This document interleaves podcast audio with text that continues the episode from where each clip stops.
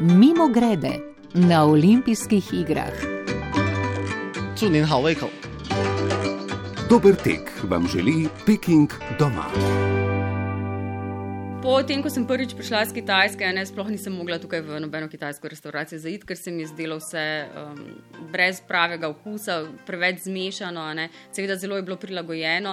Ne bi rekla samo v našem okusu, ampak tudi na našem načinu prihranjevanja. Kitajci pač vsi jejo vse jedi. Pri nas pa, ko vsak je na svojem krožniku, pač je treba dati vse gor, zato da ima človek občutek in da je ne, tisti tista glavna stvar, ki te nasiti, in da je meso in še nekaj zelenjave. Ne.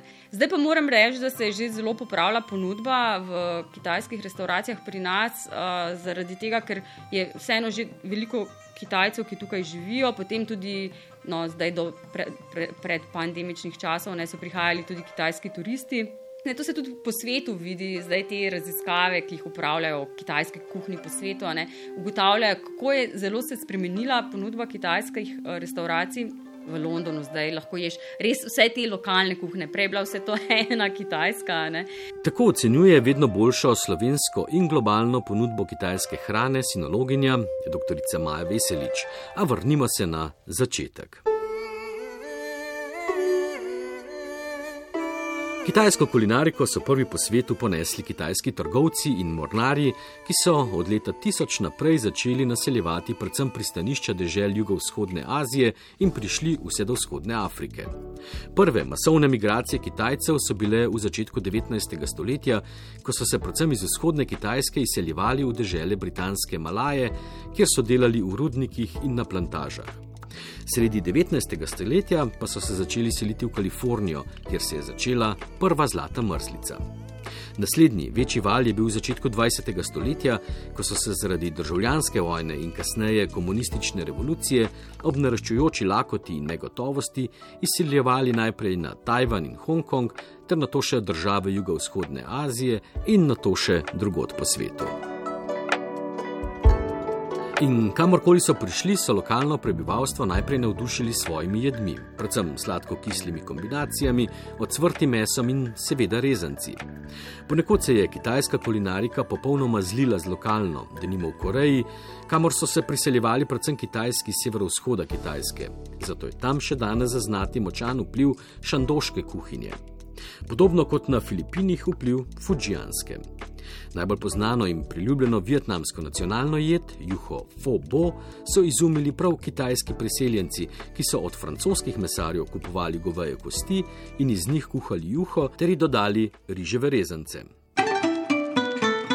Mimo grede na olimpijskih igrah. Pod vokom kurimo v Pekingu in doma.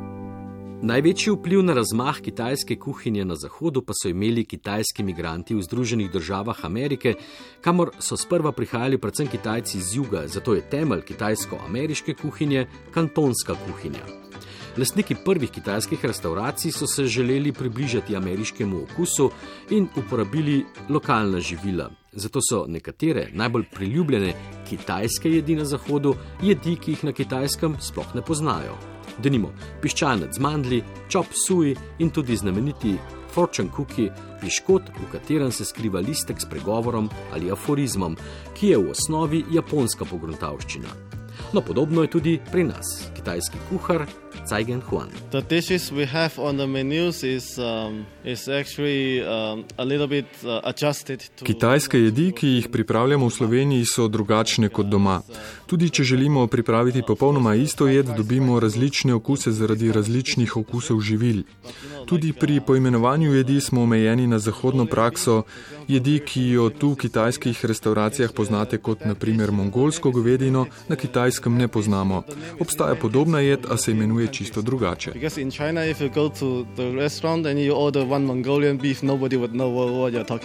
Ena od vodilnih gastronomskih spletnih strani ocenjuje, da je na svetu okoli 7 milijonov kitajskih restauracij. Od tega jih je kar 10 odstotkov izven Kitajske.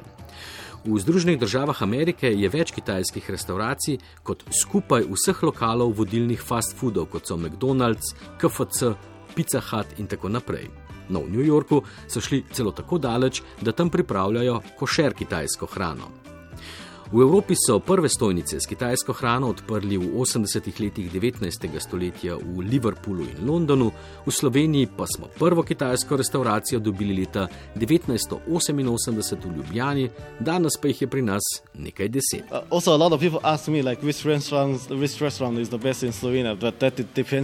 Veliko ljudi me sprašuje, katera je najboljša kitajska restauracija v Sloveniji. In vsakemu povem, vse so dobre, vsaka ima svoje posebnosti, za me je merilo to.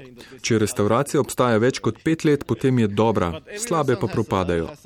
Večina Kitajcev v Sloveniji je iz pokrajine Zhejiang, vsaj dve restauraciji sta kantonski, vsaj ena ima profesionalnega kuharja sečuanske kuhinje in ena šandoškega, kar jaz poznam. If they ask them, and then there's one from Shandong, that's, uh, that's what I know. Vok ali ponev? To je zdaj vprašanje. Mimo grede na olimpijskih igrah.